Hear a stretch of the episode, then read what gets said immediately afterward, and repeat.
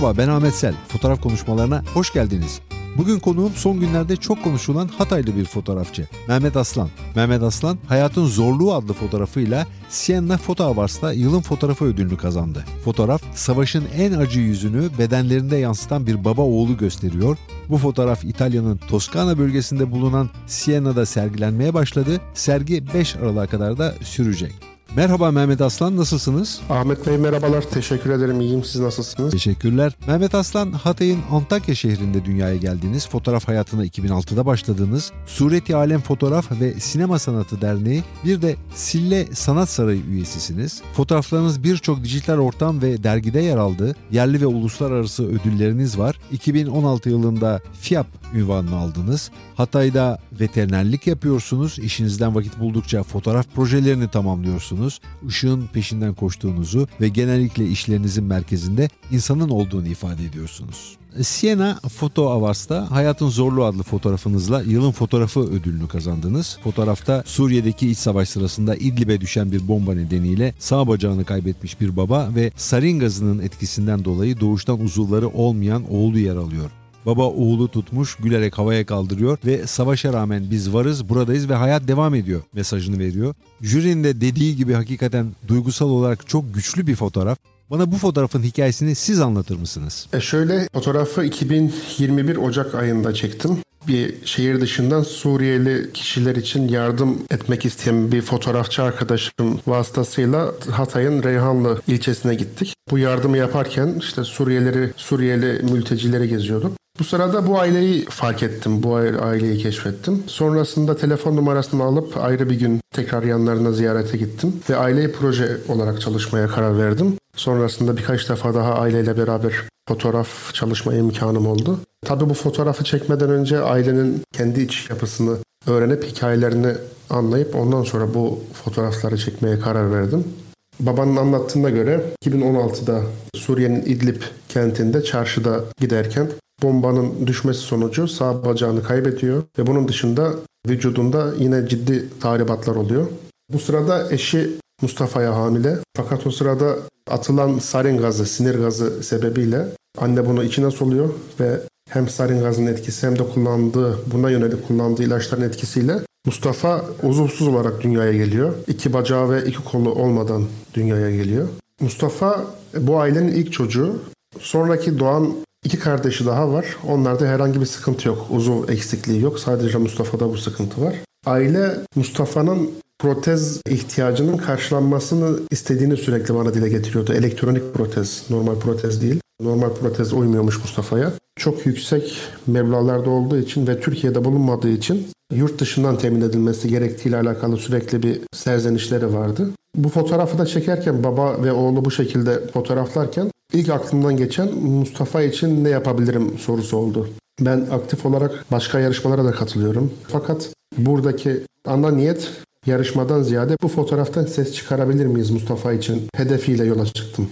Mehmet Aslan bu fotoğrafın Mustafa'ya hakikaten yardım edeceğini düşünüyor musunuz? Ulusal ya da uluslararası çapta bir yardım kampanyasıyla bu küçük çocuğun ihtiyacı olan elektronik protezler bulunabilecek mi? Bu yarışma açıklandıktan sonra fotoğrafı sosyal medyada yayılmaya başladı. Fakat yani ufak da olsa bir ses çıkacağını düşünüyordum. Fakat şu anki çıkan sesin bu kadar büyük olacağını hiç düşünmedim. Yani sadece ulusal değil uluslararası anlamda şu zamanda çok ciddi ses çıkaran bir fotoğraf oldu. Yani yer yer gündeme de oturdu. Bununla ilgili de bana geri dönüşler çok güzel. Hem yurt içinden hem yurt dışından yardım etmek isteyen çok fazla hem bireysel hem de kurum var.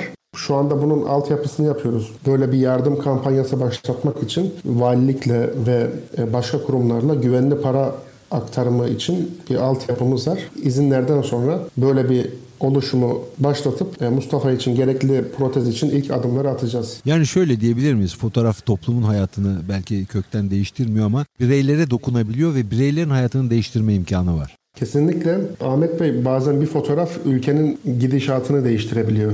Bazen savaşları bitirebiliyor. Belki savaş başlatabiliyor. Ama benim kendi içimde olan hedefin şu anda ulaşma evresi. Ulaşamadık daha protezi taktıramadık ama e, şu anda ona çok yakın hissediyorum kendimi. Umarım bu konuda başarılı bir sonuç alırsınız. Mehmet Bey, fotoğraf hayatınıza sizin nasıl girdi? Nasıl fotoğrafçı oldunuz? 2005 yılında, e, 2005 yılından önce biraz bilgisayara merakım vardı.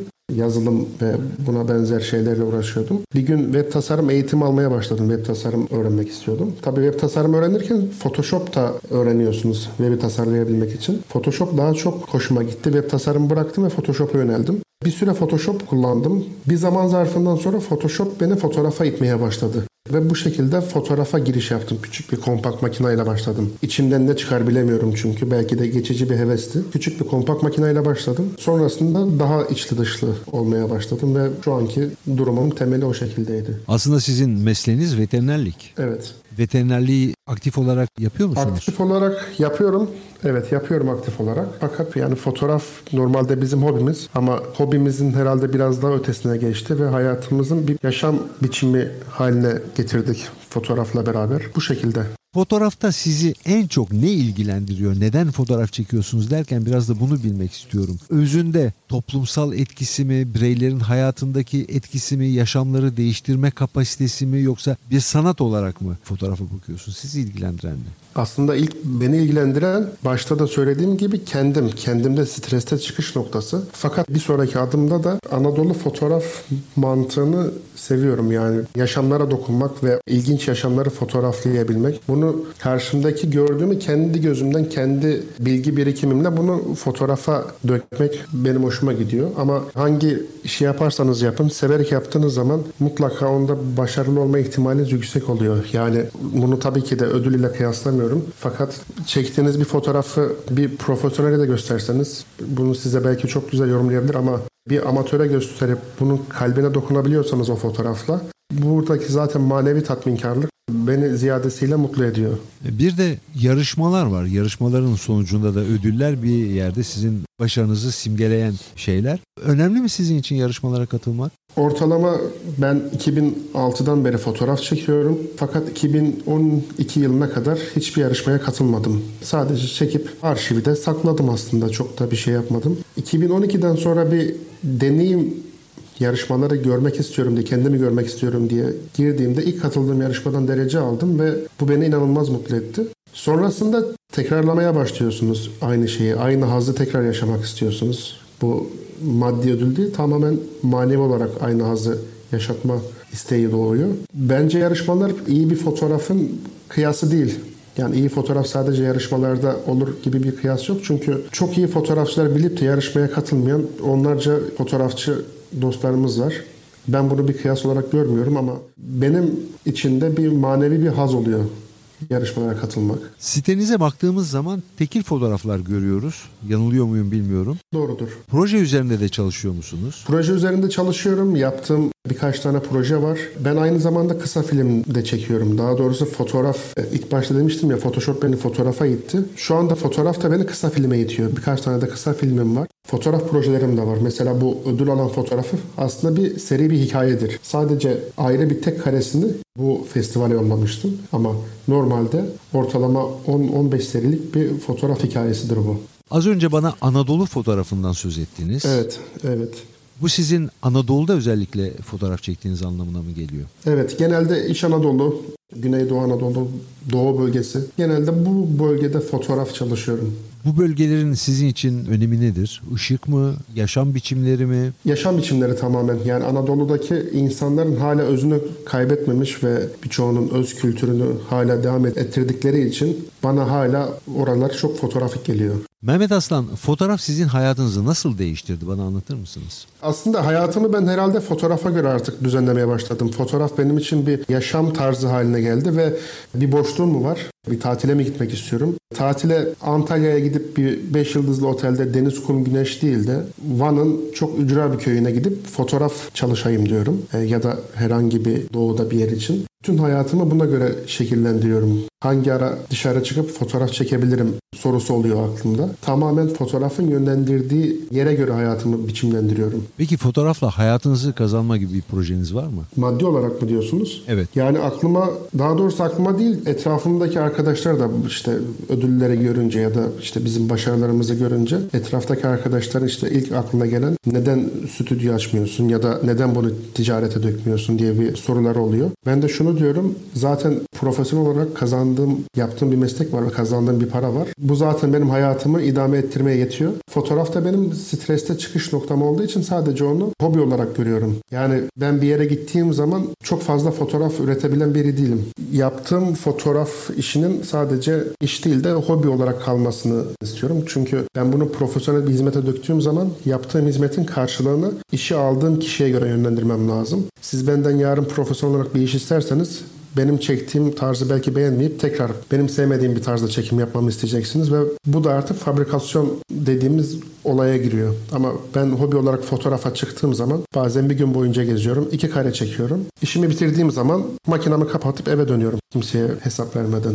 İnternet sitenize girip baktığımız zaman bu arada internet sitenizin adresini de hatırlatalım. Bunu siz yapın. Mehmet-aslan.net Instagram hesabını da verin o zaman. mehmetaslan.fotoart Dinleyicilerimiz bu adreslere gidip sizinle ilgili daha çok bilgi alabilirler. Yaptığınız diğer işleri de görebilirler. Ne diyordum? Sitenize girip baktığımız zaman daha çok tekil fotoğraflar görüyoruz. Bunlar sanki yarışmalar için özel olarak hazırlanmış fotoğraflar gibi görünüyor. Öte yandan çok sayıda onlarca yarışmaya da girdiğinizi görüyorum. Bu ciddi anlamda zaman alan ve neredeyse tam zamanlı bir uğraş olarak görülebilecek bir şey. Nasıl altından kalkıyorsunuz bunu? Şöyle ki aslında doğru yarışmalara çok aktif olarak katılıyorum. Eğer bir şehire yarışma mantığında gitmiyorsam bir yarışmaya bir fotoğraf maratonuna gitmiyorsam oradan yine iyi fotoğraf üretmeye çalışıyorum. Önüme gelen bir yarışmada konuya uygunluğu varsa o fotoğrafı gönderiyorum. Bunun dışında evet bu fotoğraf çok fazla zaman alıyor. Babamla meslektaş olduğumuz için benim olmadığım zamanlarda sağ olsun kendi